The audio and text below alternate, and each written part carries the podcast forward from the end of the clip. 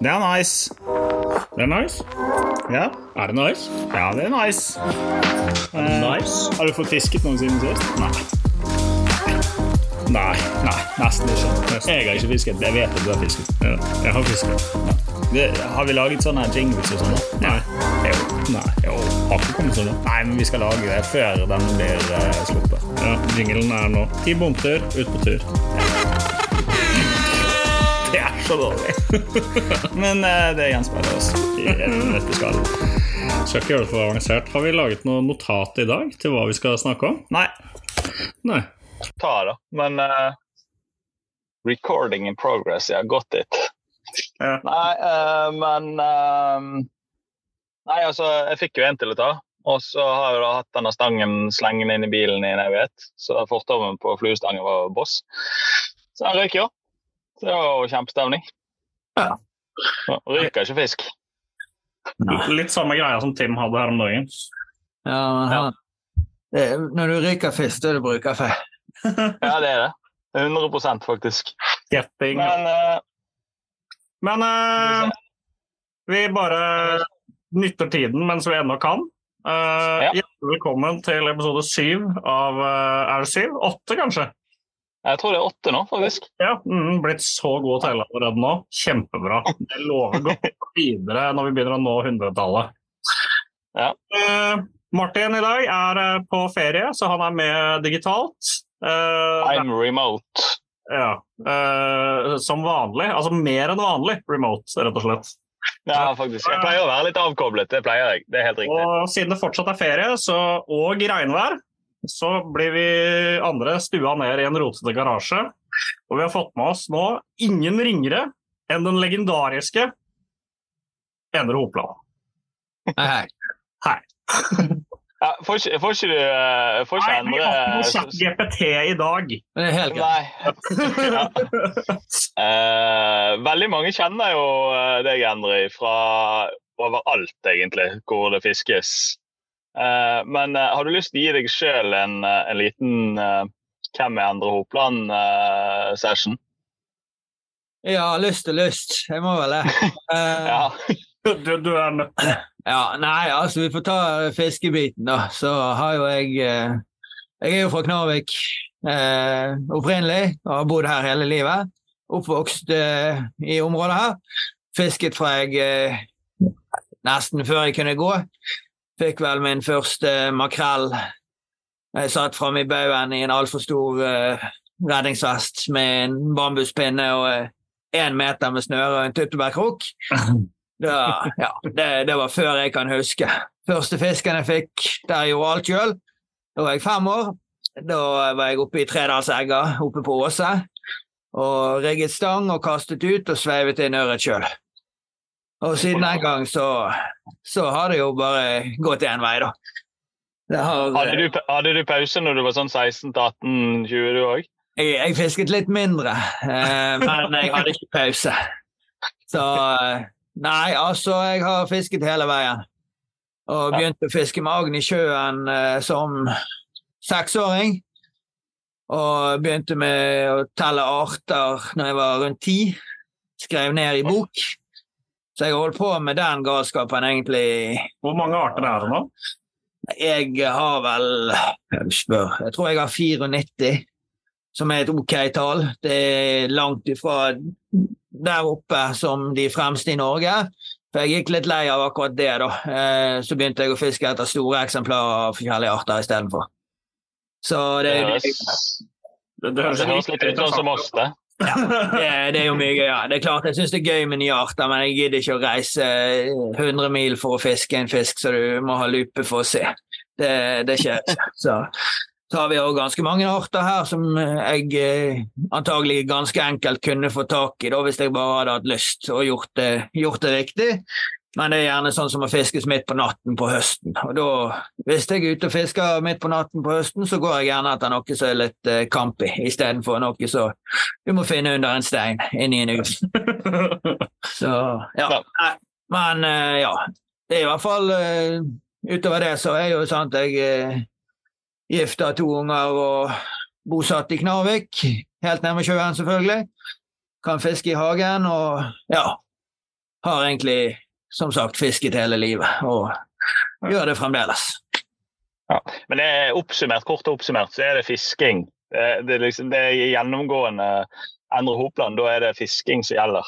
Ja, altså det er jo blitt det, da. Jeg, eh, jeg skulle jo bli fotballproff, jeg som så mange andre, men Fikk du vondt i kneet, du òg? Ja, det, det nåløyet der, det er ikke så enkelt. Så på et eller annet tidspunkt der så innså vi at det ikke gikk, og da, da var det fisking det ble.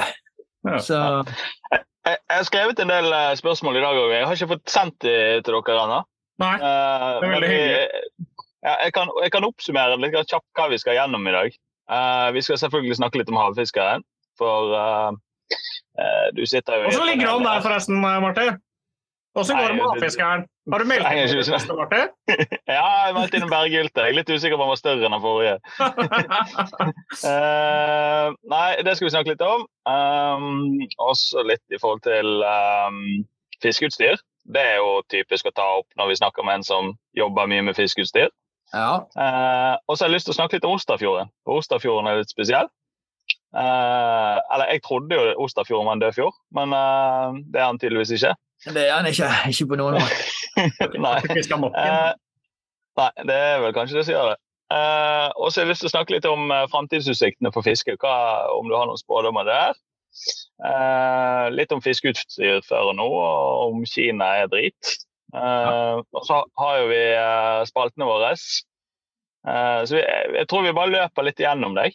Ja, Kjør på. Men hvis, hvis vi begynner med havfiskeren ja. Hvorfor ble det havfiske? Nei, det er jo et godt spørsmål. Eh, det begynte som noe som het eh, Kolibri Predator Cup, arrangert av Team Kolibri, som i utgangspunktet driver mest med ja, ferskvannsfiske, da, predatorfiske i ferskvann. Eh, Ja, sånn Sandor og eller ja, eh, mest gjedde og abbor, eh, og en del trollingfiske da, etter ørret og den slags. Eh, det er folk jeg kjenner som eh, er med i det eh, teamet. da. Og så har du et team som heter Team Krokodille. Fritt oversatt eh, eller tolket, eh, basert på gjedden, som er jo Nordens krokodille. Eh, de teamene de slo sammen kreftene, og så startet de da egentlig den første av disse online fiskekonkurransene i Norge. Den het da Kolibri Predator Cup, som sagt. Da fisket man både i ferskvann og i saltvann. Første året da var det Jeg mener det var det var ni eller tolv arter det gikk på, både i ferskvann og saltvann. Og eh, alt ble dokumentert eh, via lengde, som i dag, men eh, det var vekt som, eh, som talte, da. Ja. Så måtte man være bra både i ferskvann og i skjærgården og i, på havet, da, for å kunne gjøre det bra. Så ble dette videreført eh, som havfiskeren. Da gikk eh, Atle Øydalen, som altså da var Team eh, Krokodille, eller er Team Krokodille, han gikk ut av Team Kolibri året etter og startet sin egen konkurranse på den samme plattformen, altså Fish Donkey, der man registrerer fisken. Og drev da første året alene. Og dette var veldig gøy. Masse folk som var med. Men så så vi litt på slutten at, eh, at motivasjonen hans den begynte å gå på ned. Det var kjedelig å sitte med dette alene. Så han sa vel mer eller mindre rett ut at han kom ikke til å videreføre konseptet hvis han måtte gjøre det alene. Og Da eh, gled jeg inn fra venstre og sa at eh, dette her kjører vi videre på. Så blir jeg med, og så tar jeg tyngden av, av det som du ikke orker, og så kjører du det tekniske bak.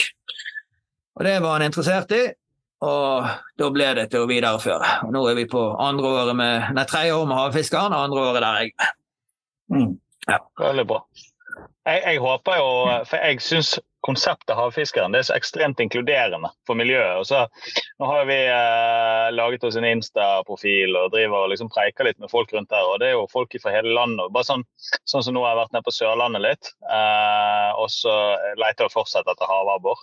Eh, nå har ikke jeg fisket så veldig effektivt, for jeg har hatt noen unger på slep. og litt sånn, men eh, poenget da er at eh, legger du ut eh, og hashtagger havfiskeren23, og så spørsmål, og så er sånn og sånn. Og så kommer det da en eller annen sørlending som bare ja, jeg går med på havfiskeren, skal vi fiske sammen noen timer? Altså det, eh, hele det konseptet der og, og måten havfiskeren vokser på, eh, for jeg tror jo at havfiskeren kan bli ganske stor med årene. Vi ser jo det også på lyttertallene på podden, at det Mm. strekker seg i hele Norge. Ja. Uh, og det er ikke bare Alver havfiskeklubb som sitter Nei. og hører på. Nei, det, okay, er vi, vi er oppe i 600, nesten 700 unike brukere som har lyttet på poden vår nå. Ja, det er ganske kult. Ja, det, det er veldig bra, og alle sånne initiativ som det der er helt super. Så det er klart når for folk som dere som er litt initiativrike og finner på ting og ikke er redd for å by litt på, som det heter, så er det alltid, alltid veldig positivt. Og Det var jo det som var litt av bakgrunnen for at eh, jeg ville være med på dette òg. Eh, altså med havfiskeren, da sa jeg det at eh, jeg liker konseptet veldig godt. Har jo, jeg har vært med i juryer og arrangert fiskekonkurranser de siste 12-13 årene. Tidligere hadde vi noe sett NM i sportsfiske. Prinsippet var litt det samme, men det var mye mer omfattende. og Det var ti arter som talte på hver liste, og du kunne ha to, to eksemplarer av hver fisk. Og, men prinsippet var litt det samme, da. Eh, men eh, en helt annen eh, innmelding enn i dag. Eh, man så ikke ting det, altså det, var, det var helt avhengig av at alt ble gjort manuelt, og det tok, eh, tok ofte veldig lang tid, og du var helt avhengig av at de riktige personene var på hele tiden. Og etter hvert så gikk folk lei av det. Og, men altså den digitale altså landsomfattende fiskingen, den, litt, eh, den har vi alltid visst at var et marked for. Eh, eller marked er jo feil ord, for vi tjener jo ikke penger. Vi gjør jo dette 100 på frivillig basis, og det handler om å få engasjement i Fiske-Norge. For vi vet at det er folk som er, brenner for, eh, for fisking, og det varierte fiske i hele landet. Og der er en sånn eh, konkurranse som dette er helt genial. For, I og med at du Mm. kan fiske der du er, og melde inn fisken der du er. Og det, det er jo litt av bakgrunnen for det, da. Slenger det er jo litt gjen...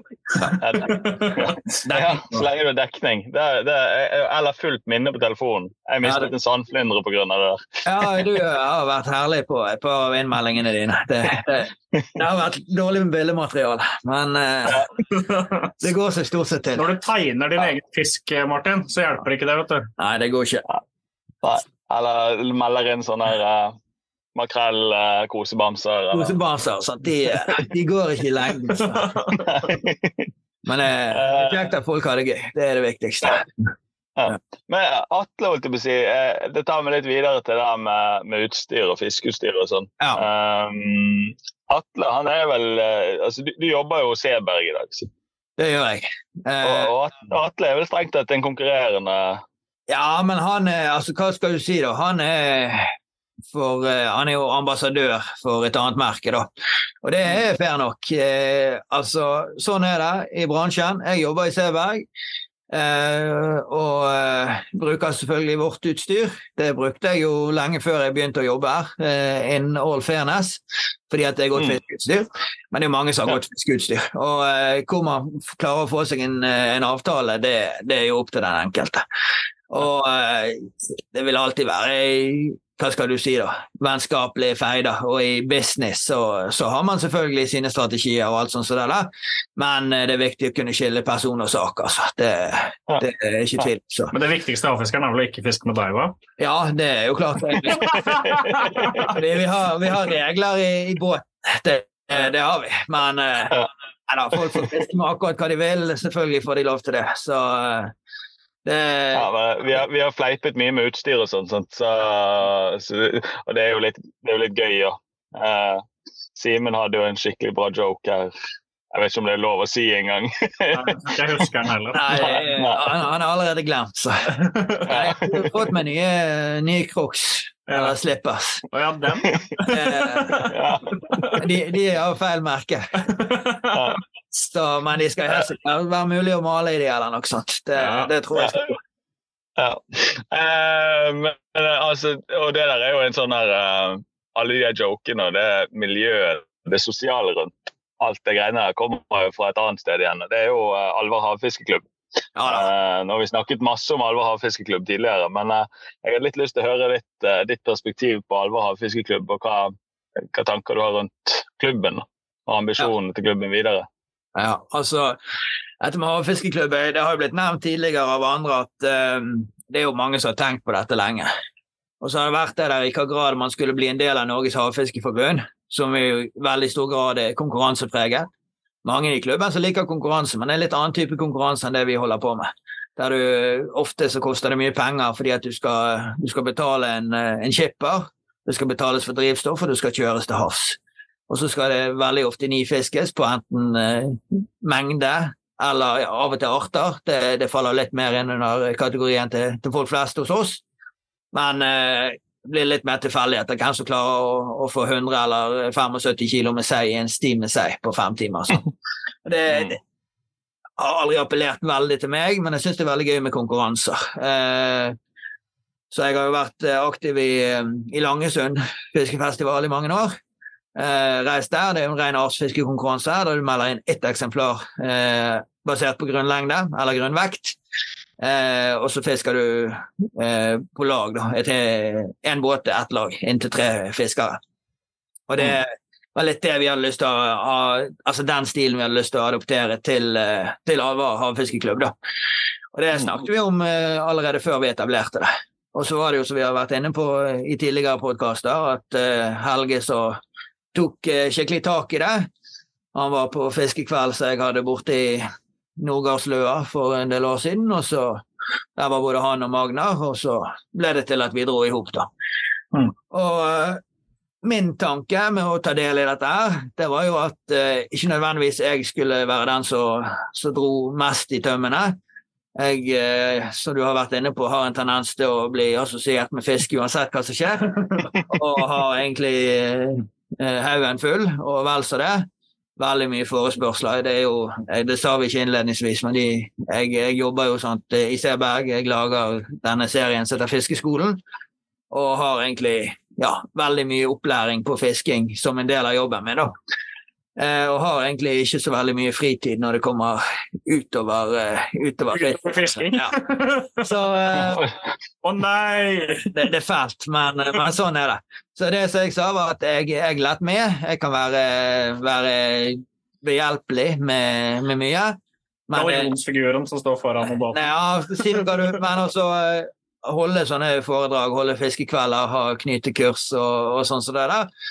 Det, det sa jeg at det kan jeg være fint behjelpelig med. Å sitte i et styre ikke noe problem, men eh, det var litt viktig for meg at eh, det var noen andre som tok, eh, tok hovedbøygen og som virkelig brant for dette.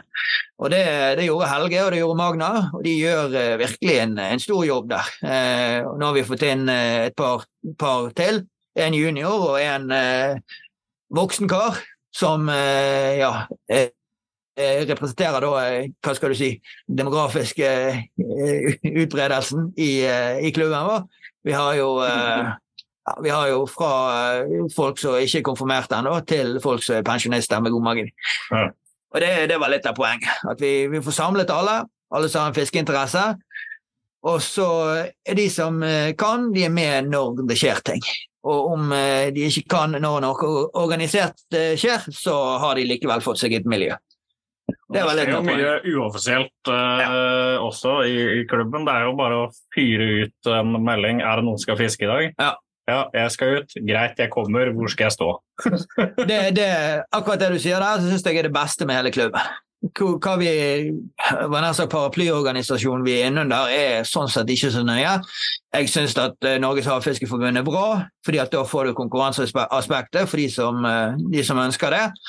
Men utover det, så er, for, lokalt så er det viktigste av alt at vi klarer å samle kreftene og samle de som uh, brenner for dette. her og at alle får en arena. At ikke, ikke folk sitter inne og ser på Netflix når det er fint vær, de, fordi at de ikke har lyst til å gå ut og fiske alene. Eller ikke ja, er ting de lurer på så de ikke tør å komme i gang med fordi at de ikke har en arena. Ja. Ja, det, det, der, der, må jo, For min side så må jo klubben få ekstremt med skryt derfor. fordi at det, det, miljøet som har oppstått i Alva fiskeklubb. altså jeg, jeg, personlig har blitt kjent med jeg vet ikke, 20 nye mennesker i år eh, som driver med fisking. Og uansett eh, liksom, hvilken situasjon man havner i fiskemessig, så kan man fyre ut et spørsmål. sånn at Vi har en Snapchat gruppe og en Facebook-gruppe og sånn. Eh, og så får man et eller annet svar eh, eh, i form av hva man spør etter. Så, så, så det, å, det, å, ha det inkluderende miljøet der, det, jeg tror det er ganske unikt, faktisk, det vi har i Alva fiskeklubb. Jeg håper ikke det, men jeg tror kanskje du har rett. Det, det, beste er at det hadde vært sånn mange steder. Og det, det vet vi jo at innad i, i mange av havfiskeklubbene så er det jo godt miljø, men så vet vi òg at det, det blir surt miljø ofte. Og Det er ofte det som fører, konkurranse kan føre med seg. Hvis man Mm. ikke klarer å ta inn over seg at uh, det er på gøy dette her, det er fisking det handler om. Det står ikke om liv, det står ikke om millioner. Det, det er på gøy. Det, det, det må ligge i bunnen for alle. Også den vennskapelige knivingen, den er gøy. Og eh, Jeg pleier å skrike litt til Simen, det gjør jeg. Ganske Ja, da, men ofte. hva som skjer i Ligger du så dårlig an uh, likevel i år at uh, du har så, har så mange plasser å gå? Ja, men jeg pleier, pleier å si det. Det som skjer i affekt, det er alltid lov. Eh, selvfølgelig innenfor rimelighetens grenser, men eh, også skryteretter, det er alltid lov. Og, Mm. ja, og tånte folk, det er alltid lov, men de må forstå at det er vennskapelig, det som ligger i bunnen. Eh, hvis folk blir lei seg og faktisk ikke skjønner dette, her, da, eh, da må man eh, legge om strategien, altså. Men det som skjer i en sånn klubb som dette her, det er jo at du får en intern lingo. Den kommer ganske fort. Og folk skjønner det. Ja. Treffer du de riktige kveldene, så, så kan du bli sittende på Snapchat hele kvelden. Da, eh, da blir familien grådig fornøyd med deg, men eh, da kan det bli noen ganske, ganske artige striker som går der, altså. Ja, du, kan, du kan si det sånn at dette har vi opplevd uh, mer enn én gang. uh, men uh, ja, altså um, Alver havfiskeklubb. Jeg, jeg prøver også å være litt sånn konsekvent på det og så dele det litt inn. da. Mm. Har egentlig så for min del så har jeg fått svare litt på det som jeg tenkte der. Ja. Så jeg hopper rett på Osterfjorden. For, det at, eh, for mitt vedkommende så har jeg alltid sett på Osterfjorden som en sånn eh, bunnløs, ufiskbar møkkafjord. På Eh, så 500 meter lov- som er bare havmus på Ja, ja. Ja, så skal du få lov å fortelle litt om Osterfjorden, og hva som gjør at den er mye mer spesiell enn andre fjorder, kanskje. Ja, altså Det som er, det du sier der, det er jo den gjengse oppfatningen til veldig mange. Jeg har jo som sagt vokst opp med denne fjorden her. Jeg bodde først i Isdalsstø. da. Eh, Det er her jeg eh, hadde mine første år, i kjelleren til mine besteforeldre. Og eh, Da var jeg nede på kaien i Isdalsstø, der jeg nå har båt liggende, og fisket med altfor stor redningsveste òg. Fisket med makk etter forskjellige ting. Der alene jeg er sikker på. Jeg hadde ti arter før jeg var fylt seks-syv år, altså. Eh, på kaien der. Der jeg sto og kastet med, med makk og et blylodd. Ingenting annet. Og eh, det, allerede da skjønte jeg jo at eh, dette er en artsrik fjord. Her finnes det mye forskjellig. Det var selvfølgelig mye dritt, da. Mye som eh, den eldre garde bet- betrakter som råtapeiser og skrubberåter, og sånn som katten ikke vil ha. og sånn som det der. Men det var arter. Det var mye forskjellig. Så jeg fortsatte jo å fiske der i, eh, ja, eh, oppover ungdomstiden. Da begynte jeg jo å satse mer etter større arter. Begynte mye etter sjøørreten, mens det fremdeles var litt bra sjøørretfiske her. Eh, Begynte mye etter stor lyr. Gikk helt konsekvent etter den. Og så, når jeg fikk båt tilgjengelig i fjorden, så begynte jeg jo på forskjellige arter. Da. Før den tid så hadde jeg fisket ganske mye flyndre òg, fra land. forskjellige, mest sandflyndre og skrubber. Eh, for det er det det er mest av på flatfiskfronten. Men med båt så kunne jeg begynne å utforske mye mer. Da. Så eh, ja, og så etter ja, sånn ca. 2010 om, omtrent, da eh, oppdaget jeg at det var flere som uh, var, holdt på med det samme som meg, uh, via noe som heter internett. Der var det noe uh, forskjellige fiskefora. Viste seg at det var andre som holdt på med mye det samme. da. Og eh, Da ble det litt, litt større nettverk. Mange av de har nå gitt seg nesten helt med fisking, men det er jo folk jeg kjenner godt fremdeles, selvfølgelig. Og så er det noen som er igjen fremdeles. Eh, da ble det jo til å utforske mer og mer i fjordsystemet her. Og det som vi ganske kjapt fant ut, var jo at eh, ikke bare var det artsrikt, men det var også veldig mye stor fisk av de forskjellige, de aller fleste av eh, artene. da. Og det er helt spesielt. Masse sånne i mangel på et bedre ord, eh, fossile avst... Eh, I mangel på et bedre ord, eh, da er det da fossile Sorry. Nå var det litt mye som skjedde på en gang. Sånn. Sant? Eh, fossile stammer av eh, ja, forskjellige arter. Da. Men det mener jeg at eh, det er fastboende stammer som ikke nødvendigvis trekker til havs for å gyte eller for å vokse opp, eller hva de gjør. Og det, det er litt gøy når, når man finner sånne ting. En ting er sild, For den, den, visste vi om, at eh, den fantes egne stammer som ikke trakk noen steder. Forskjellige, forskjellige, plasser i området. Men det viste seg at det var det samme med kolmule og vassild. Eh, sånn dyplevende pelagiske arter som er veldig viktige i næringskjeden eh, for eh, de større rovfiskene. Det viste seg at det var det samme med blålange, som på den tiden ikke var fredet. Eh, man kunne gå målrettet etter blålange hele året igjennom eh, på forskjellige Eh, lokasjoner. Rett og slett basert på hva vi fant ut i, i måten vi fisket på. Da. Og så kom det jo da for en, ja, 10-12-13-14 år siden ca. Da begynte lysingen å etablere seg i fjorden her. Før den tid var det ingen som visste hva lysing var omtrent. Det var en og annen som ble tatt på et garn. Den begynte å etablere seg i fjorden og ble en helårsfisk. Og Det er helt spesielt, for det er ikke mange fjorder der den finnes hele året der du får store, store, eksemplarer hele året. Men det får du altså her. Det beste fisket har vi jo veldig ofte i desember, januar, februar. Når det ikke er lysing å få noen andre steder i landet. Det er stor fisk som gyter og bor i og beiter seg opp i fjorden. Og Det handler om at det er store ansamlinger av større byttefisk som han kan beite på, f.eks. vassild, kolmule, sild, ja, taggmakrell, mye den slags. Men for å komme tilbake til det du sa angående Ostafjorden. Dette er bare en liten del av det. Jeg har, eh, jeg har nok passert 50 forskjellige arter i Ostafjorden alene. Og eh, det inkluderer da flere norgesrekorder, flere arter som er helt eh, oppunder norgesrekorder. Så det viser at veldig mye av den fisken som finnes i fjorden her, ikke bare finnes den her, men den vokser seg òg veldig stor. Nå har ikke du lyd, eh, Marte, så nå driver du med et eller annet. Det er veldig spennende når vi har én remote og så to i en garasje. Ja. Så er det da alltid én som må kødde seg. For han har helt sikkert nå gått tom for strøm på headsetet sitt. Det er jo også litt spennende. Ja. Unmute! Der var vi. Der. Der var det. Ja, beklager. Ja. Men nei, du sier norgesrekorder. Altså, eh, det er jo lov å skryte. Hva snakker vi om da? Jeg vet vassild.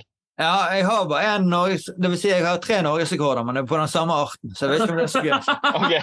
ja, men det er vassild, da? Det er vassild, ja. Den eh, Jeg husker faktisk ikke hva, men den har over 1700 gram, den største, i hvert fall.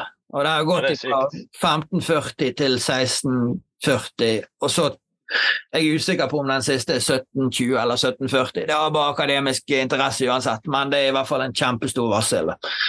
Eh, Vassild er jo en av de artene som er spesielle her. Eh, Kolmulen er jo, de går ofte side om side, liten torskefisk. Den eh, var jeg mm. tett oppunder. Jeg hadde jo en sesong så hadde jeg elleve fisker som var lengre enn gjeldende norgesrekord, men de var ikke feite nok. Oh, så, uh, men der ble jo tatt et kjempedigert eksemplar uh, av uh, Arthur, som vi har vært innom tidligere her. Altså leder av fiskeren. tidligere i år, i samme område, da. og den er, den er, vanskelig å slå, den som han fikk der. altså. Er, ja, han, han, slo vel gamle norgesrekorden med 300 gram, og på en fisk som blir en god kilo, så er det ganske heftig. Det, det er drygt. Ja. Det er 30 Men, ja. Men for våre lyttere ikke fra Vestland, Ostefjorden, hvor ligger den?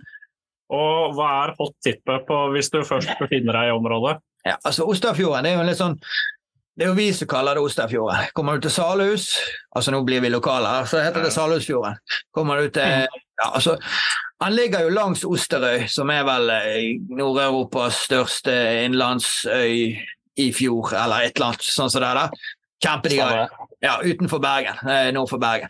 Eh, det er jo et langt stykke fjord som altså begynner jo egentlig som en forlengelse av Byfjorden utenfor Bergen. Så fortsetter han nordover, og så går han da forbi kommunesenteret Knarvik i Alvar, og så fortsetter han da innover eh, langs E39 til du kommer inn, mot, inn til Romerheimsdal, som jo folk har hørt om. Som ikke bare bor her. For der eh, går det skred, og der eh, står det trailere på kryss og tvers. De har vært i nyhetene en gang? Ja, de har vært på nyhetene. Så det, det er jo den uh, lokalfjorden vår. Da. Den går, går langs etter. Og han, er, han, kan sammenlignes med mange av de andre fjordene. Altså, han er jo selvfølgelig kortere og grunnere enn Sognefjorden men, eh, og enn eh, Trondheimsfjorden, for så vidt. Men han kan sammenlignes litt med Trondheimsfjorden. Han er brei, han er dyp. Eh, hovedravinen går på over 500 meters dyp. Og på eh. Ja, sjøkartene da ser han helt flat ut, men det er han jo ikke. Det er bare dårlige sjøkart. Så det er ganske mye spennende når du bare kommer ned i dypet, og det er utrolig mye vann du må gjennom for å finne alt. da. Vi har sikkert bare skrapt i overflaten, og i overflaten så har det altså blitt mer enn 50 arter og veldig mye store eksemplarer. Mm. Ja. Eh, Hvis du, hvis du snakker til en østlending nå, eh, late som Simen ikke bor her i Bergen, og så, Nei, jeg er østlending.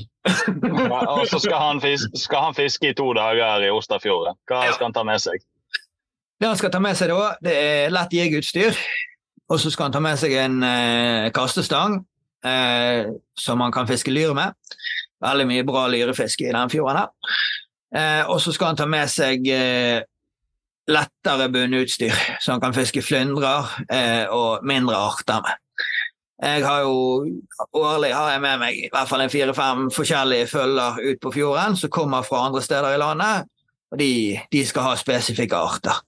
De aller fleste er veldig hyggelige og sånn, og skjønner at det er fisking og at det ikke bare er til å hente de. Noen tror at det bare er å hente de.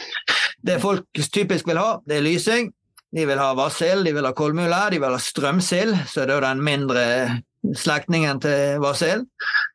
Og så vil de ha glassvar. Det er sånne Ja. arter som er typiske, litt underlige arter. Ikke de helt eh, klassiske som du får alle steder, men de er typiske signaturarter her i fjordene. Og så har du i tillegg havmusen, da, som man gjerne fisker i mørket. På, ja, kan fiske den hele døgnet, men da fisker du den på dypt vann eh, når det er lyst, og så trekker den helt opp på grønne i, i mørket.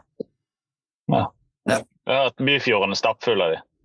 Ja, det er ekstreme mengder. Hadde et uhell i fjor med et garn som sto på 20 meter Ja. ute i fjorden her. Jeg tror vi hadde 30 havmus. Ja. Det, det var Ja. det som var i garnet. Fått hele oppsiget da. Ja. Ja, men det, det er helt fascinerende. Det grunneste vi har fått, er jo fem meter. Det er en fisk som normalt sett lever på mange hundre. Så de tar næringsvandringer i mørket. Nå er vi veldig lokale, da. Ja. Men, eh, men hvis vi tenker litt inn i spåkulen, for det er en som har fisket mye og fisket i mange år, Ja. har jo sett, har jo sett forandringer. Regner jeg med. Mm. Uh, når vi sitter i båten og er pensjonister, hvordan tror du fisket ser ut uh, rundt områdene våre her oppe i, uh, i Norge, holdt jeg på å si, Vestlandet gjerne spesifikt? da? Hva tror du vil skje framover? Vi ser jo veldig mye nytt, altså, sånn som vi snakket om lysing. og Lysingen er vel egentlig en litt sånn eh, en sørlig art som har tråkket nordover Ja. litt etter litt. Mm. Um, har du noen Det er jo også en del andre, være om 20 år? andre det er også en del andre som flytter inn i fjordene. Ja, det er det. sant? Altså, vi ser stadig, altså, spesielt nå når det er varmt i, i sjøen. Sant? Fra juli og utover i, til oktober-november, da er det sommer i sjøen. Eh, og da, da er det varmt, og da eh, kommer det mye rart. Veldig mye av det blir jo tatt med Golfstrømmen eller en eller annen havstrøm, eller følger etter enten sammen med makrell eller på jakt etter makrell. En av de artene som har kommet tilbake, er jo eh, makrellstørjen etter mange år eh, vekke. Den har jo i alle år tatt nordlige næringsvandringer, så den, den regulerer jo eget, eh, sin, sin egen kroppstemperatur. Da. Så den har ikke problemer med det. Men jeg tror vi kommer til å se mer av den, i og med at det er blitt eh, gjort en veldig stor jobb fra ICAT sin side, og eh, god forvaltning. Kommer vi til å se mye mer lysing. Lysingen har alltid vært der, men eh, langt ute i Nordsjøen, og så har den trukket inn i retning av kysten på sommerstid og det blitt tatt en annen fisk langt ute. Men det at vi får den inn i fjordene nå, det er ganske nytt. Og det kommer vi til å se mye mer av. Han kommer til å etablere seg i veldig mye større grad i mange av de andre fjordene våre lenger sør i landet, og sikkert nordover. Eh, han har altså tatt plassen til eh, torsken i stor grad. For torsken den liker kaldt vann, så den har trukket mye lenger nordover. Han har ikke blitt vekke sånn som mange tror, men eh, kommer du f.eks. til Helgeland, eh, så er det, det er så mye torsk, det er stokklagt i alle størrelser hele året igjennom. Så masse torsk er det, men han er lenger nord. Du får eh, mye mindre av han her i sør enn du gjorde tidligere. Der ble det et stort tomrom for eh, en stor rovfisk, og der har bare lysingen spankulert inn. Og det kommer han til å gjøre i mye større grad. Vi kommer også til å se mye mer St. Petersfisk. Dere som dykker har jo allerede sett en del av de antagelig. Det er jo ikke den lett, ikke letteste fisken å få på stang, med mindre det er litt mengde av. Det er ingen i Norge som fisker riktig etter han. Men det blir tatt en og annen på kikkfisk allerede, så de, de har de begynt å få. De går jo ofte veldig grunt. Ja da, og helt oppi taren ofte. Ja. Så det, jo, det handler om teknikk før den koden blir knekt, eh, der folk virkelig begynner å få. Så kommer vi til å se mye mer eh, sverdfisk. Den er det jo allerede ganske mye av eh, ute i Nordsjøen, men den lever litt sånn konstig. Folk tror han går i overflaten og pisker med sverdet, men det gjør han jo ikke. Lever jo gjerne på et par hundre meters dyp midt i sjøen. Og der er det ingen som fisker. Så før om årene, når de fisket med hårbrannliner, da fikk de jo de som bifangst. Så yrkesfiskerne som var aktive på 70- 80-tallet, de vet at det er ganske mye Mm. sverdfisk i Nordsjøen. Men Det er en eh, ganske kul fisk å fiske. og Så når du snakker om uh, storfisk, så, så er jo det en sterk fisk. Virkelig en kule. Og det, der har det dukket opp flere og flere observasjoner de siste årene. Det tyder på at det er mer fisk, at folk plutselig ser dem. Er det dypvannsdorging liksom, på 300 meter Ja, altså det- det. Det blir nok litt eh, likt det fisket vi holder på med etter størje, da. bare at istedenfor å gå helt i overflaten, så må du ha rigga litt ned. Ja. Det er jo en, en råfisk. Han jakter jo mye på makrell og den slags, den også. Ja, jeg som laksefisker eh, kjenner jo til en historie, så du sikkert har hørt om. når. Jeg har ikke Ja. den knappen klar. Nei, eh, men eh, vi hadde jo for et par år siden i Lærdalselven, så var det en det, det startet som en, eh, som en morsom historie som ble sluppet på internett av han eh, idioten som trodde eh, altså ikke trodde sine egne øyne når han så en sverdfisk kom svømmende opp i Lærdalselven. Ah. Så han, han dro jo tilbake på fiskecampen. Nå vet ikke om dette, nå er det blitt en vandrehistorie, da. Men eh, han kom opp inn i fiskecampen og fortalte det til kompisene sine. I Lærdal er det sånn du reiser ned på broen for å se på flakene som kommer inn. for å få litt inspirasjon. Så det er tregt fisk og sånn. Eh, så kom han opp inn i campen, og alle hadde liksom bare er du, Hva er det du har drukket? Eh, og så gikk det et par dager, og så fant de jo faktisk sverdfisken død oppi elven her. Så eh, den må jo ha vært, eh, vært litt surrete, da. Men eh, eh, så sverdfisk finnes det. Jeg husker den historien. Vi, vi lagde jo Der som jeg jobbet tidligere, da, da skrev jeg jo uh, mye fiskeartikler. Og da var det jo uh, Vi lagde artikkel på den, så den var reell. Ja. Det, det var jo et lite eksemplar, da. Uh, det, men det at det finnes små eksemplarer, det er ofte det kuleste, syns jeg. Fordi at det var, ja, Da er det altså det er folk som står og høyer og skriker, så det får vi bare leve med. sånn er det. Nei, vi har jo det. Vi hadde jo et eksempel eh, oppe i, eh, helt oppe i nord. Jeg vet ikke om det var i Tana eller om det var Alta. Det var i hvert fall en av de virkelig nordlige elvene. da. Der det var sånn fiskedag for barn. Og de var nede og skulle fiske laks i munningen. og De fikk lov til det. Og eh, Mm. der var en guttunge som dro på en gyselig laks. vet. Som viste seg å være en eh, tunfisk. da. En, en bluefin. Shit. En ti kilos bluefin. Ja, fikk det han er fett. Ja, det skal jo ikke gå an. For de fiskene som Nei. kommer opp her, altså de størjene, så er det samme arten, da. Så, som kommer opp her, det er jo de store eksemplarene. De virkelig store. Og eh, det at eh, en, eh, en på ti kilo, den er jo nesten nyklekket. Den er ikke i gamle tassen, altså. Så at den eh, kan bli tatt og endatil helt lengst nord i Nord-Norge, det er spesielt. Det er helt Det, det er jo et, det er et sunt tegn, da, ikke det? Egentlig. Jo, det, det, det er et sunt tegn, men det er òg helt spesielt, da, fordi at den har jo antagelig havnet på villspor. Men det at, eh, at vi ser mindre eksemplarer av, eh, av litt sånn sjeldne og tropiske eller varmere trivselsfisker, da, fisker som trives bedre i varmt vann, det, det tyder jo på at det skjer ting. Det, det vet vi jo. Det, det blir varmere i vannet. Og det, Ja, det så har de jo, eh, de, de, de, de tar feil. Så enkelt er det. I går var det 18,6 grader ute i fjorden. Ja. Uh, det er jo midtfjords. Det, det ser vi jo på oppblomstringen òg. Fjordene er jo helt Mm. nesten svarte nå. De er mørkebrune for det som har opp, oppblomstring av alger. Det er jo fordi at det er varmt. Ja. Så det er Eh. ikke å merke mer av framover. Skal vi se. Jeg skal åpne notatet mitt igjen. Ja. Ja. Bra du Vi har fortsatt lyd, sånn. Ja da. Ja, det, det er bra. Mm. Nei, og så, og så kommer du til det vi har snakket sånn kjapt om at du, du jobber jo Seberg, eh, som er en fiskeutstyrsleverandør. Eh, og så har vi hatt, eh, hatt en diskusjon eh, med flere. liksom sånn, Kina, er det dritt? Eh, og liksom er det et eh, Altså, Fortell litt om hva som er på fiskeutstyrsfronten, nå. litt hva vi skal se etter når vi skal handle fiskeutstyr. Og, eh, jeg er jo glad i ting som gir meg en utfordring når jeg fisker, men som også tåler en støyt. Ja. Uh, har du noen Ja, gode eh, det, har jo, altså, i, det, det skal jo si, altså, før, for, det er- Du skal ikke gå lenger tilbake enn et år for vår del, hvor tanken var vi må eh, hardere på utstyr, Mm. høyere opp, må ha det største av det største. Ja. Til nå ha fiska relativt aktivt det siste året, og det har begynt å bli Nei, vi må lettere, vi Ja. må lettere, vi må lettere, vi må lettere.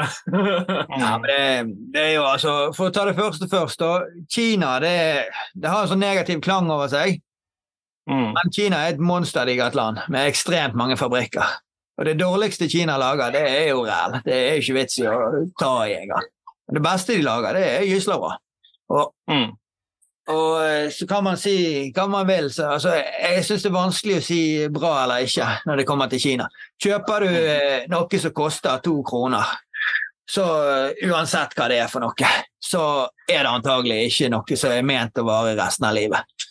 Du får vanligvis det du betaler for, og så når noe blir veldig populært, så har det en tendens til å bli for dyrt. Og da, da, betaler, du, da betaler du mye for merket, men det vil du fort merke, da. Sånn sånn humor som Simen liker, det vet jeg.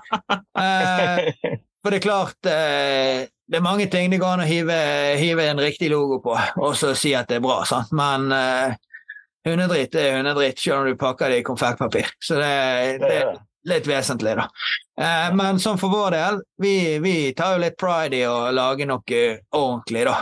Selvfølgelig, vi har produkter vi også vi ikke syns har fungert.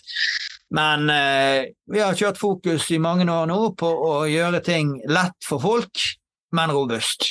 Det skal ikke veie mye, du skal ikke være sliten etter fisketuren fordi at du hadde med deg fem kilo med stang og snelle, så du var helt gående i skuldrene av og må på sykemelding av og har fisket med. Det skal være gøy å fiske. Du skal kunne stå hele dagen uten at eh, det utstyret som ødelegger deg. Hvis du blir sliten, så er det fordi at du skal ha fått så mye fisk at du går. Det er litt sånn policyen. da. Og det gjenspeiler seg alle stengene vi lager nå. altså Kall det high-end-produktene våre. De er jo ikke spesielt dyre, men det er liksom de dyreste vi kjører. da. Eh, Det er jo lightjiggerstengene, det er jigstikkene, det er spiral-jeggerne. Disse letteste. De er laget på en helt spesiell måte, med spesielle karbonblandinger. Og hele meningen er at det skal veie ingenting, og likevel tåle all julingen det får. Jeg hadde jo debuten min i går på en uh, Spirlegger 180 gram. Ja. Light, Lightjigger spiral. Lightiger Spirler 180 Ja. uh, i, i Ostefjorden. Ja. Og fikk en løsning på 95, Ja. en sei på 80. Ja. Ja, det var vel de to største. Men uh, du merker jo der at på den stanga at den kan ta veldig lett veldig mye større fisk. Ja, han kan det. Men allikevel så bøyer han seg godt. Allikevel Og det er er det full action. Så det første fisken vi fikk opp, så er det sånn ny stang. Du veit ikke helt hvor Mm. feelingen er på den. Har ikke snøring på hvor stor fisk som kommer opp. og Det, er jævla fornøyd når det da dukker opp en 95 cm lysing. Ja, ja. Og det er litt av moroa med dette. sant? Jeg, eh, jeg kjører jo konsekvent lett uansett. Eh, altså Med mindre jeg må ned, altså må opp i halvannen kilo med bly, så, så prøver jeg å være fra 500 gram og nedover i, i pilkevekt. Og da, da går jeg over anbefalt pilkevekt, men det, det er jo primært til, til lodd som skal fiskes ganske statisk. da. Men det aller meste av fisket mitt, det har det vært i mange år, det er så lett som du får det eh, tilpasset eh, at du skal kunne altså Det skal ikke være sånn fjærlett at du bruker 40 minutter på å få opp en 3 kilo sei. Det skal ikke være sånn. Det skal være sånn at du kan kjøre hardt på det. Du skal få fisken opp like fort som med tyngre utstyr, men det skal være gøy, da. Og eh, Det er jo hele bakgrunnen for alle disse stengene og videreutviklingen av de, sant? At, eh, at dette her det skal være kjekt for folk. Og eh, Selv om det er lett og selv om det er mykt, så betyr det ikke at du ikke kan kjøre tyngre redskap på det for å få det ned på strømutsatte steder og dypere vann. Det, det tåler det veldig godt. Og det er Ja, det, det er vel strengt tatt vår erfaring med det òg. Sånn som for min del, jeg er jo litt sånn eh, Jeg jeg gikk veldig lei av uh, å nær sagt dorge med hel makrell til slutt. For der vi fisket mye i starten av havfiskeren, der er det mye strøm. Så jeg har kjørt halvkilos bilodd omtrent konsekvent. Men, og det, de lette stengene tåler jo det helt fint. Ja, da, det, kan litt, det, kan, ja, det kan bli litt tungt av og til hvis det er de, den letteste stangen min, den, uh, den, er vel Jeg husker ikke gramvekten på den, men uh, det tåler det fint, men det kan, det, da, blir, da, da, merker jeg at merkingen har noe å si. Da. ja. Nei, og Det er jo litt av poenget. sant? Også, man må alltid tilpasse, det, det mener jeg òg. Og det, det, gjelder i fiske generelt. og Det er kanskje det beste fisketipset jeg har til folk. det er At du, du tilpasser etter, eh, etter forholdene. Fisk eh, altså Rigg etter det du har lyst til å få. Skal du ut og fiske lysing, så fisker du med det som tilpasser. Skal du ut og fiske etter sig målrettet etter kveite eller håkjerring eller den slags, så er det bare tull å gå ut med den letteste stangen som finnes. Ja. Ja, vi prøvde med noen kinetic-stenger etter stor kveite.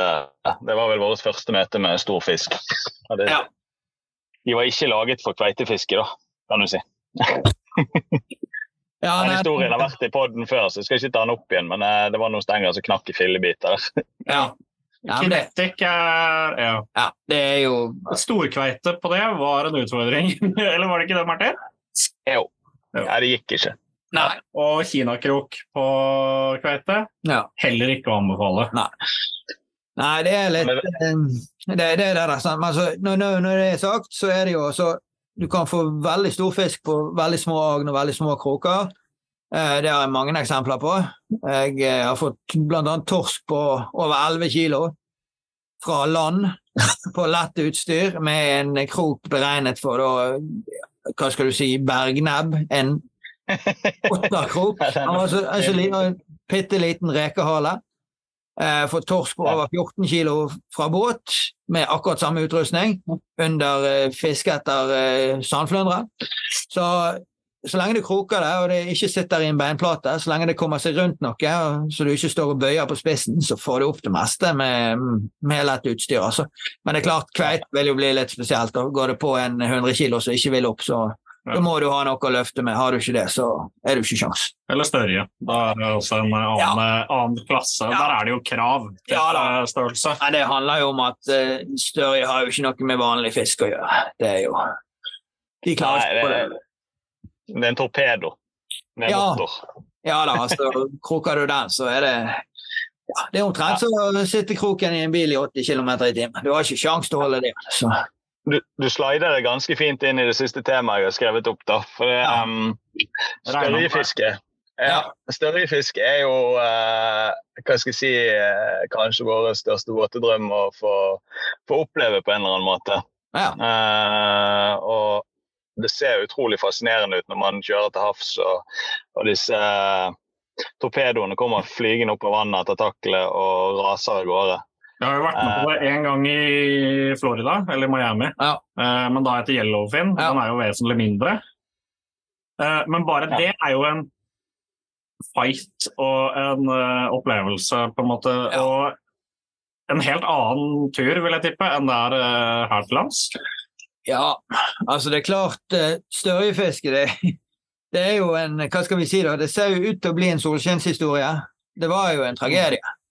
Fordi at altså, Størjen har jo i alle år vært en vesentlig del av kystbefolkningen sin og jeg har sagt uh, sommermatauk. da. For de har jo alltid kommet opp her. sant? Og, sånn som min bestefars generasjon. da på Osen utenfor hytten vår der er det ikke plass til så veldig mye. Men der var ikke det uvanlig at det var 150 båter når Størjen var der.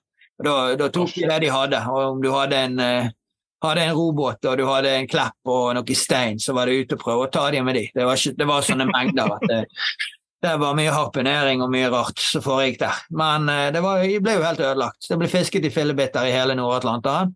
Så det, det, var, altså Går du 15 år tilbake i tid, så var ikke det mange så, i Norge som trodde at vi noen gang skulle se, se en størje her igjen. altså.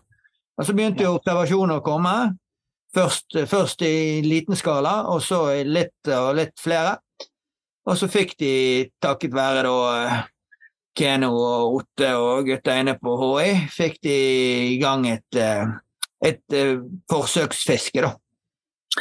Og da, da, søkte de jo eh, om eh, fiskere som kunne delta.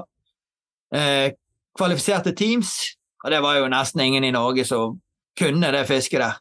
Ytterst få. Eh, så da måtte de ta det nest beste. Da måtte de ta de som kunne fiske, og så hadde det vært mye på sjøen, og eh, som hadde håndtert stor fisk. Og så eh, tok vi det derifra, da. Så vi fikk jo være med fra starten av, da, først med eget team.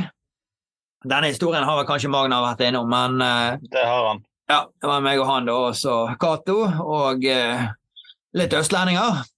Og Jon Ivar, kollegaen min. Så første året da, da ble, det tatt en, nei, ble tatt to fisker. Den ene døde eh, før de fikk merket den skikkelig. Eh, men da ble sett på som en suksess. da. De fikk merket én fisk med satellitt, og det var gode greier.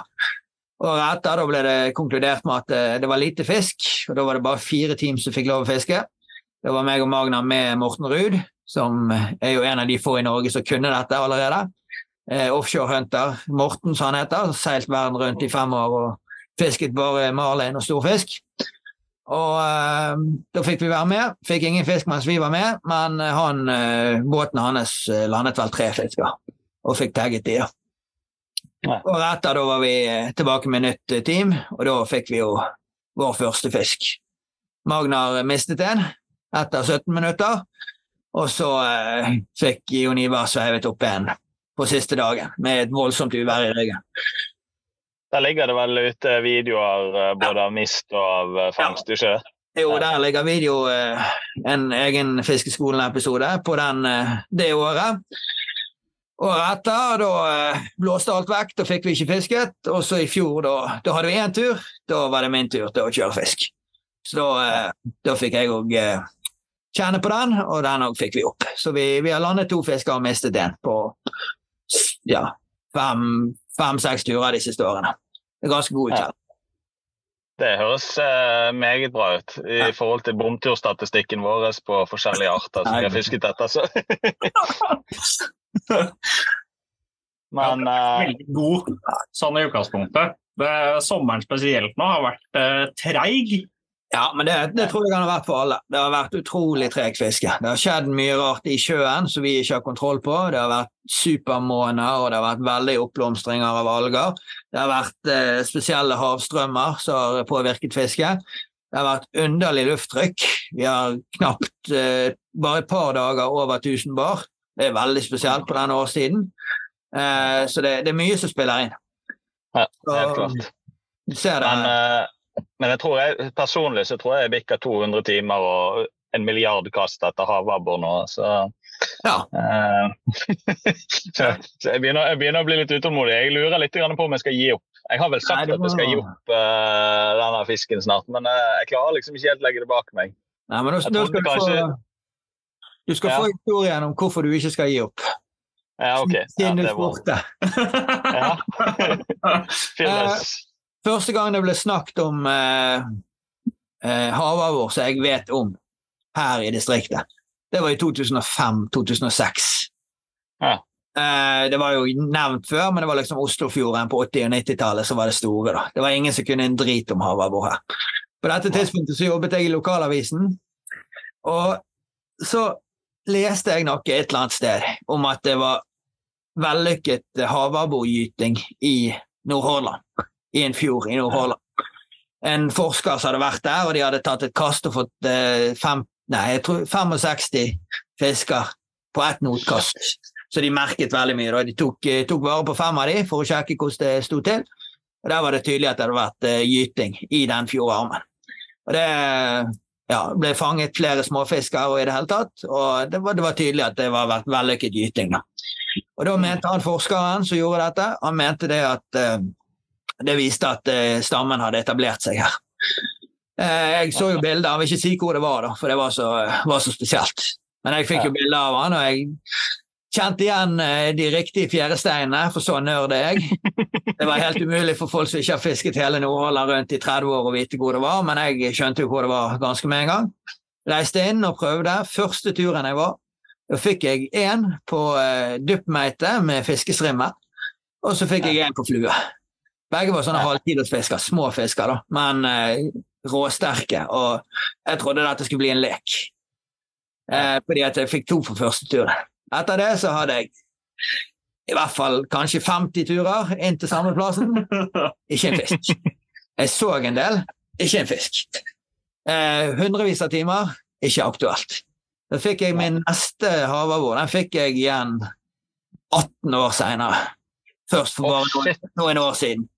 Men det var et helt annet sted. da. Eh, Det var dorging med wobbler, eh, sånn som du skal gjøre på en, i mørket. Eh, men da gikk det 18 år, nesten 18 år mellom første og siste fisk. da. Foreløpig siste. Jeg har fått tre stykker, så du må ikke gi opp. Det, er ikke vits å gi opp ennå. Det er 18 år med å snakke om at vi ikke får havabbor før vi får den. Det, det, er enkelt, det er enkelte arter som er sånn. Fordi at eh, jeg, jeg, har, eh, jeg har aldri sett på den som nemesis, da, fordi jeg har jo Jeg, har jo fått, jeg fikk den jo med en gang. Men jeg, selv om jeg sleit med å få den igjen, så har ikke jeg sett på den som noe sånn stort problem i den forstand. Eh, ikke en fisk jeg har brydd meg mye om. å Altså, våre barn har nok fått barn, omtrent. Skulle du beste for Sannsynligvis. for- Ja. Men, jeg, men jeg, jeg hadde dette problemet med skolest, som nå lever nede på store dyp. Det er jo også en tilsynelatende enkel fisk. Da. Han lever eh, gjerne pelagisk litt over bunn, men er på mange hundre meter. Eh, og jeg var vel med å få tolv stykker før jeg fikk min første. Jeg passerte 400 aktive fisketimer etter. Og fikk over, over 30 blålanger, hundrevis av eh, kolmuler og vassild og tagmakreller og seier mens jeg fisket etter han. Ikke kjangs. Ja. Nei. Så, men den kom etter ti år da, og over 400 aktive fisketimer. Så man må ikke gi seg. Ja, for Det er kanskje det siste spørsmålet mitt òg. Når, man, eh, når man går på YouTube eh, bare sånn for Alle som er nye og alle som sliter med sånn som f.eks. det jeg gjør nå, at eh, jeg har en nemesis som heter havabbor, som jeg har brukt et par hundre timer på til nå. Og så går man på YouTube og ser på fiskevideoer, så ser det jo ut som f.eks. Uh, deres kanaler. Det pumpes jo opp fisk. Nå er det kanskje dere noen av de på YouTube som er flinke å fortelle om når det kanskje går dårlig også, men eh, det er ikke så lett hver gang eh, å fylle båten med fisk. Det skal en del bomturer til. Det er riktig. altså In fairness, vi, vi har ikke veldig mye bomturer. Så lenge vi er på sjøen, så får vi alltid noe ut av det. Men det er slett ikke alltid at eh, altså vi, vi, det, det er ofte vi må lage introer etter vi har fisket. Vi, har, en plan når vi reiser ut og sier ja, i dag skal vi ut og fiske lange, og så er det stein dødt. Men så får du annen fisk mens du ligger der, eller prøver noe annet. Plutselig har du Ja. på lysing, plutselig har du, treffer du blåkjeft, plutselig får du en seistim som er inne. Sant? Da må du bare tilpasse deg til området, altså hva som foregår. Eh, det, så lenge vi er på sjøen, så får vi alltid en episode ut av det. Men eh, det er slett ikke alltid vi får en episode av det vi hadde tenkt på forhånd. Så, sånn er det. Og, og så er det noe med Hvis vi har en episode på et kvarter der vi har fått 20 lyrer, så er ikke den spilt inn på 20 minutter. Da reiser vi ut tidlig om morgenen og hjem igjen sent om kvelden. Og så har du gjerne to høyperioder der du får, får mye fisk, og så har du mange timer der det ikke skjer noe. Men det, å lage en episode med syv timer der du står og jigger uten å få noe, det er ikke så givende å se på. Altså, NRK det er sånn eh, sakte-TV der. Ja. Det, Minutt, jeg har et godt forslag. Minutt for minutt live med Endre Hopland på sjøen. ja, det, det er sikkert grådig givende. Et smalt interessefora der. Nei da, men, eh, men det er klart, eh, det er jo det viktige. Det kommer tilbake til det jeg sa i sted. Eh, Tilpass deg. Er ikke en art å bette. Ikke med det sagt at du ikke får den hele dagen, men i utgangspunktet så han biter ikke der og da. Kan godt hende han begynner å bite på når det flør eh, en time seinere, men gjør noe annet innimellom. Ikke reise inn igjen og si at det ikke er bedt. For Det er det de som sier at Osterfjorden er tom for fisk, gjør veldig ofte. Mm. De reiser ut med pilken, og så slipper de ned, og så får de ikke noe de første 20 minuttene. Kan det hende de har bare lagt på feil side av grunnen fordi at strøm, undervannsstrømmen går, eh, går motsatt vei av hva de tror. Og så står det to med fisk eh, 50 meter unna, men de tror at det ikke er fisk. Det Altså, vi, møtte, klassisk. vi møtte jo på en båt i, i går Mm. som hadde vært og fiska hele dagen, ikke fått en dritt. Mm. Og vi kommer ned, slipper ned, og dunk, der satt den igjen. Ja. Uh, sånn at det skal litt flaks til. da. Litt flaks, og så handler det selvfølgelig om å tilegne seg kunnskap. Da. Kunne lese et sjøkart, det kommer du langt med, og så hjelper det å vite, altså ha statistikken i bakhånd. da. Hvis du vet hva årstider som pleier å levere, hva, cirka hva forhold som pleier å levere, og så alltid ha en backup-plan. ikke bare ta med deg én stang når du skal ut, ta med utstyr for å kunne gjøre noe annet. Og plutselig så får du blikkstille eller 15 sekundmeter når du er ute på fjorden. Og så kanskje du gjør det du hadde tenkt, og så må du inn i en vik og søke ly, eller du må gjøre noe annet. Ligge og dorge med eller flytte båten med motoren for å få bevegelse i agnet. Det, det der skjer hele tiden, og da er det veldig viktig å kunne tilpasse seg. Ja, for det, vi har gjort veldig mye feil. Tidligere er jo det at man har fiska I dag skal vi fiske lysing. Ja. Og så sitter du der i fire-fem timer og gjør ikke noe annet. Uh, det skjer ingenting. Agne, samme agnet som du slapp ned for fem timer siden, er like fint og helt. Ja, ja. Eh, men vi har liksom aldri vi, Det er jo egentlig før nå den siste tida vi har tenkt sånn Greit, vi gir det 20 minutter, ser om det er noe aktivitet her. Ja. Hvis ikke så flytter vi oss og gjør noe annet. Det er jo det som er sant? Fordi det er ikke lenger sånn, Fisking er ikke det som det en gang var, med tanke på å ta med seg to sluker og stang og gå ned på Svarberg og kaste litt. sant? Du har jo med deg et halvt flyttelass når du skal på tur. Det har jo. Det er blitt sånn. Og, ja, Det er blitt sånn. Det, Et godt eksempel på å variere sånn som det er, det var jo I vinter så hadde jeg en tur med, med Magnar Ullvatn. Mm. Eh, da vi var ute i Hjeltefjorden. Eh, fikk ingenting. Flyttet oss nedover eh, Hjeltefjorden et stykke. Fikk ingenting. Fisket begge to med hel makrell på fireball. Eh, og så flyttet vi oss innover igjen. Så tenkte vi skulle bare stoppe. Vi har en romplass eh, som vi meg og Simen fisker mye på. Eh, som leverer veldig mye forskjellig. Så tenkte vi ok, vi stopper litt her. Slapp ned med hel makrell igjen. Skjedde ingenting. Og så sier Magna jeg skal prøve én ting. Jeg har en akker liggende i bøtten. Mm. Så knakker han på en akker, slipper ned, og det smeller på en stor lange med en gang. Og så, Eller stor lange, jeg vet ikke om det er lov å si stor lange når han er ni kilo. Men uh, det er en stor fisk. ja, ja, det er en bra fisk. Uh, og så fortsatte jeg å fiske med makrell, for jeg tenkte altså, jeg kan jo ikke dra opp agn og eh, risikere at det svømmer forbi en stor lange og eh, ikke får sjansen til. Så jeg fortsetter å fiske med makrell.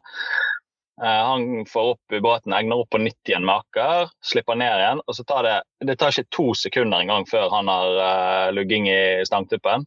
Smeller til, pumper opp igjen en ny stor lange. Jeg bare Pokker, da er det mulig? Og så gjør han det samme en tredje gang. Og da er det bare vet du hva, Det er agnet som ikke funker. Så sveiver jeg opp igjen, hiver jeg på en akkerbit, slipper ned igjen. Jeg har ikke omtrent truffet bunnen en gang før det lugger i stangen. Og da har jeg på den, den største tror jeg var eh, Min største tror jeg 136 eller 134 cm. eller 132 for min er 133 Ja. og en santi over din. Ja, de, vokser litt, de, de, vokser litt med tiden, OK? Ja, nei, hallo.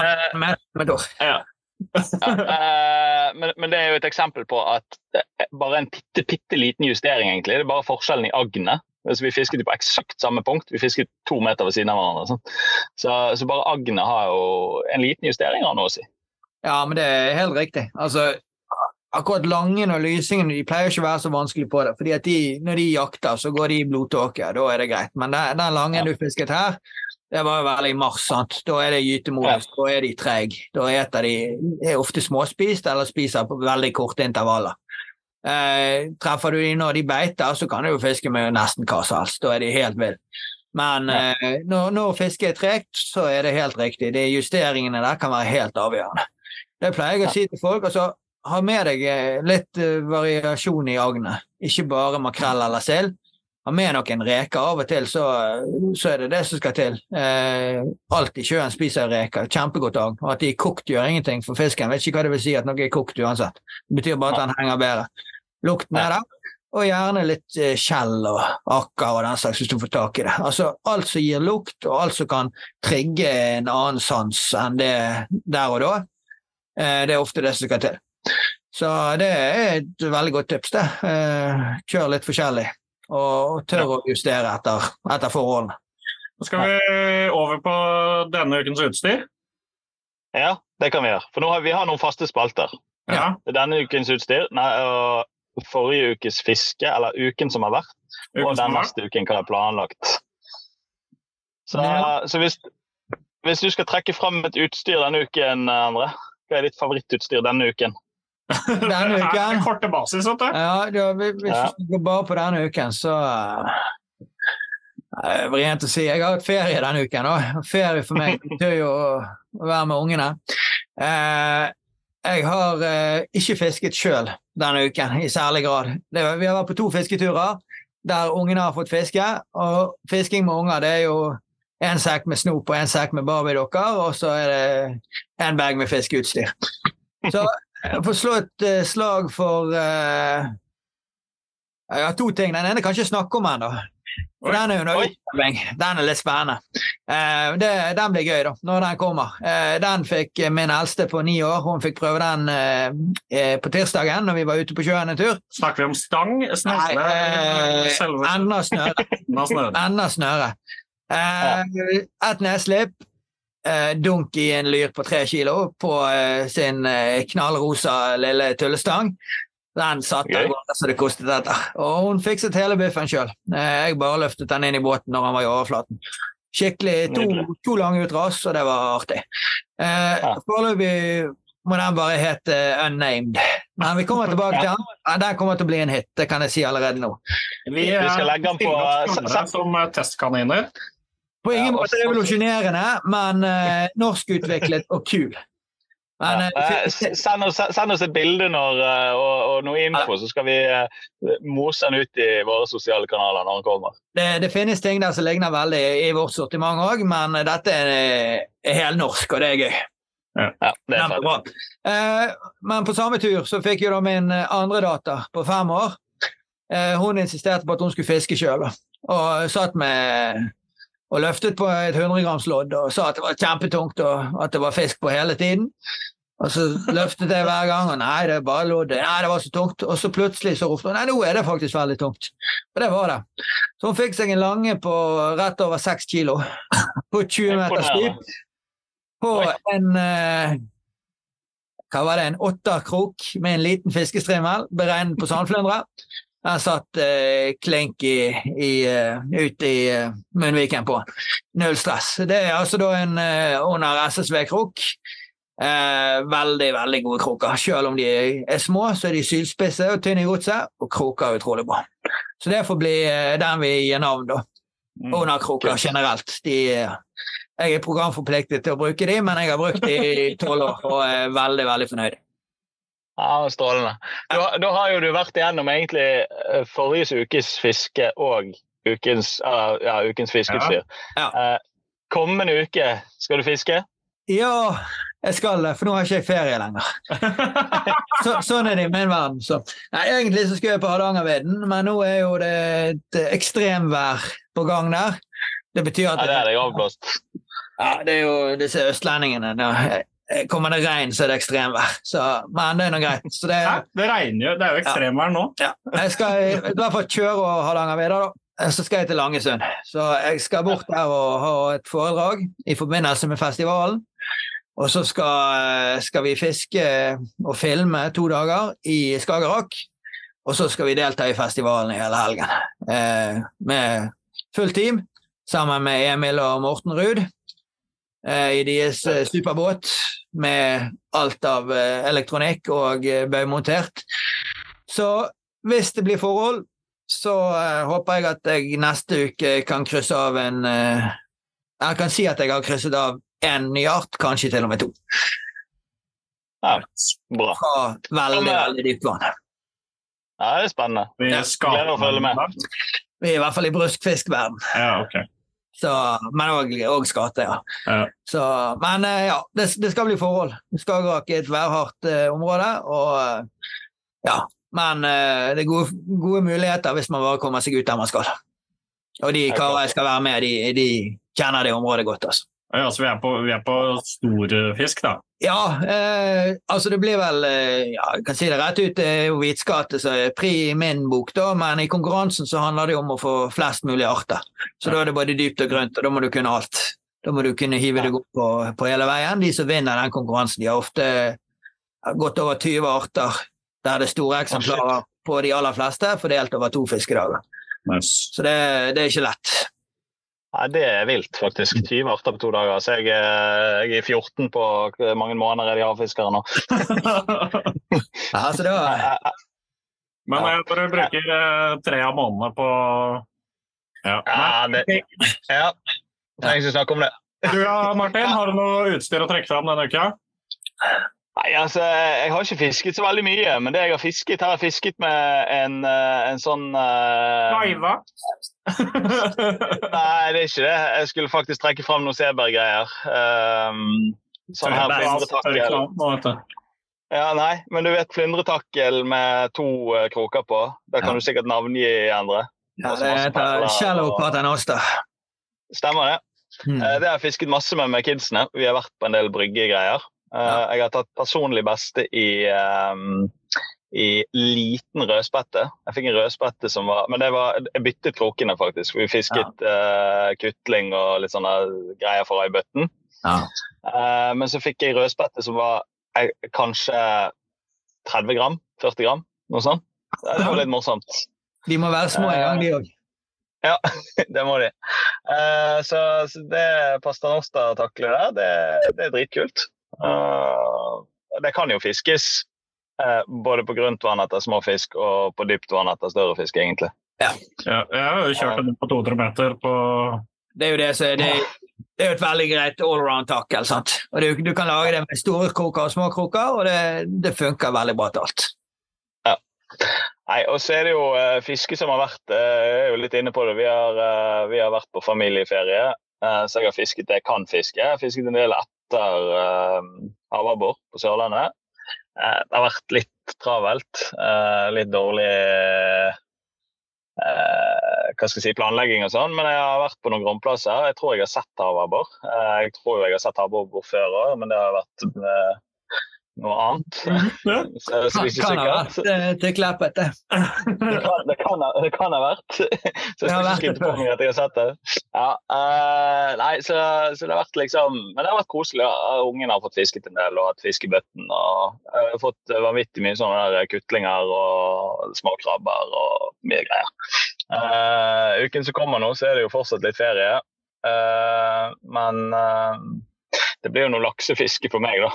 Som, ja, som det fort gjør. Eh, fikk, jeg fikk jo på en fisk i går. Eh, dette er jo brukerfeilhistorie. Uh, for jeg har, jeg har, alltid med meg en sånn guideline uh, hatch uh, fra XXL, syverstang. Det er liksom stengt sammen, så jeg driver og fisker overalt. Jeg dro den med meg i Lygna. Fikk meg et kort der på kvelden i går brukt den fortommen i kanskje to måneder i strekk. så fikk jeg på en brukbar laks. Den flekta av gårde nedover, og så bare smalt det i snøret, og så røk den. Så det var litt kjedelig. Ja. ja. Så, du da, Simen? Jeg har hatt fire fisketurer siste uka, vel? Ja. Eh, det, nå er det bikka, vet du. Uh, Senest i går så var vi jo da, som jeg har sagt nevnt tidligere, i Ostefjorden. Måtte teste Lightiger Spiral-stanga. Uh, kom hjem derfra, tok meg en skive i hånda og tusla en god tur for å prøve om lyren var til stede igjen. Fem turer har jeg hatt, når jeg tenker meg om. Uh, så for min del så har det gått mye i lyr. Fiska det mye de siste dagene. Fruen i huset ønsket fiskekaker, så da er det én ting å gjøre. ja. uh, vi hadde en kveldstur ute og prøvde litt forskjellig. Endte med å fiske svart tå. Det må man jo. I eh, konkurranse må man det. I konkurranse så må man det. Utenom det så er det rimelig meningsløst. Ja. Uh, så har jeg vel hatt en nesten 100 poeng opp denne uka her på fiske jeg allerede har. Uh, det er jeg jo egentlig godt fornøyd med. Og av utstyr så må jo jeg trekke fram nok et uh, Seberg-produkt med Spiral, uh, Lightiger Spiral. Ja. Som uh, kommer til å snike seg opp nå som favorittstanga fra båt. Ja, det er lett for. Fordi anvendeligheten på den er såpass stor. Ja. Altså, du du kan bruke den på 20 meter, kan bruke den på 400. Eh, vi prøvde å billedliggjøre litt det i, eh, når vi var på Sørøya nå i fjor. Så lagde vi jo mange fiskeepisoder. Eh, og da eh, brukte han på, på flyndre, helt oppi dritten på sandflyndre, så blir rundt en kilo. Ikke noe særlig mer enn det. Så brukte han òg på steinbit, som kan bli stor. Brukte han etter kveite, brukte han på stortorsk, og brukte han nede på dypet med med 300 gram med bly etter UA. Så det var Så faktisk, hvis du, hvis du skal ha én stang i båten så, ja, Jeg skal akkurat til å si det. så vil jeg jo påstå at det kan være en ganske god kandidat for, eh, for et variert fiske, og så heller eh, bytte mye på takkel og agn og den type ting isteden. Det som er fint med dem, de, jo, de, de står jo opp til 180 gram. Det, det høres jo litt lite ut, men sånn som når vi fisker Jomfruland og, og sånne plasser i, i Langesundfestivalen, da, der du gjerne har to meter dønninger som drar oppover eh, rullesteinene, og du bare ligger og, og humper av gårde og driver egentlig altfor fort, da du kjører jo ofte 400 gram på den stangen uten at det gjør noe. Fordi at Ja. Stangen tåler vekten, det er ikke problemet. Det er jo det, Vi må ha en, eh, en anbefalt eh, pilkevekt. da. Og Hvis det står eh, en halv kilos pilkevekt på den, så vil de rette høkkertene de vil hive på en halv kilos pilk, og så vil de ut og pilke sånn som de gjorde på 80-tallet, med monosnøre. Og, Men det funker dårlig. Ja, ja, altså du klarer, Det skal mye til, og jeg har aldri klart å knekke noen av de stengene, for de tåler ekstremt mye. Men det er klart, eh, highsticker du altfor mye, stangen rett opp, han står i en holder og det, du sitter i bunnen og blir dratt under båten og sånn, så et eller annet sted må det jo gi etter til slutt. sant? Og Hvis du da Ja. fisker med 0,39 breid, som jo altfor mange gjør, så er det jo ikke breiden som ryker. Men eh, noe ordentlig fisking, så tåler de stengene alt. Du, jeg, eh, jeg, har, eh, jeg har noen kids uh, som ser Ja, i speilet, stikker hodet ut og lurer på når jeg er ferdig og sånn. Vi skal Men, uh, bare gjøre én siste ting i poden, som har nå blitt en helt ny tradisjon. OK? Det er overlevering av gjestekleppen. Yes. Oi! Eh, Så vi skylder Frode en klepp, og vi skylder Helge en klepp. Nå er det sagt i poden. Ja, stemmer Ja. det. Sånn at, Ja, her må eh, dere ta bilder da, for dette er jo håndverk. sånn at uh, de også får eh, sin, uh, sin eh, tid i solen. Jeg snakket en eh, runde med Frode i går, så han skal få en klepp med en bever på baksida. Ja, han må en bever. Her står det også for konge og fedreland. Ja. Helt tilfeldig påskrift, antar jeg. ja, helt. Helt tilfeldig, faktisk. Eh, men vi tenkte vi skulle skrive sånn halvfull hopland på den. Ja, det, det, det blir enda mer intern. Ja, men tusen takk, den var fantastisk flott. Da får vi si hjertelig takk for besøket. Jo, det var bare hyggelig. Og så håper vi du tar en tur innom eh, når vi runder av Havfiskeren. Ja, det kan vi gjøre. Ta en oppsummering når den tid kommer. At vi tar en gjennomgang av årets fiske. Det er jo mye å snakke om når det kommer til fisking, men det, det er greit å komme i gang. Ja. Så det er. Takk for nå. Nei, men Veldig bra. Takk for nå, og så ses vi plutselig. Det gjør vi. Høres igjen neste uke. Ha det bra. Stopp. Det er nice. Det er nice. Ja, er det nice? Ja, det er nice. Eh, Nice. Har du fått fisket noen siden sist? Nei. Nei, nei, nesten ikke. Nesten. Jeg har ikke fisket. Jeg vet at du har fisket. Ja, jeg har fisket. Ja. Det, har vi laget sånne jingles og sånn?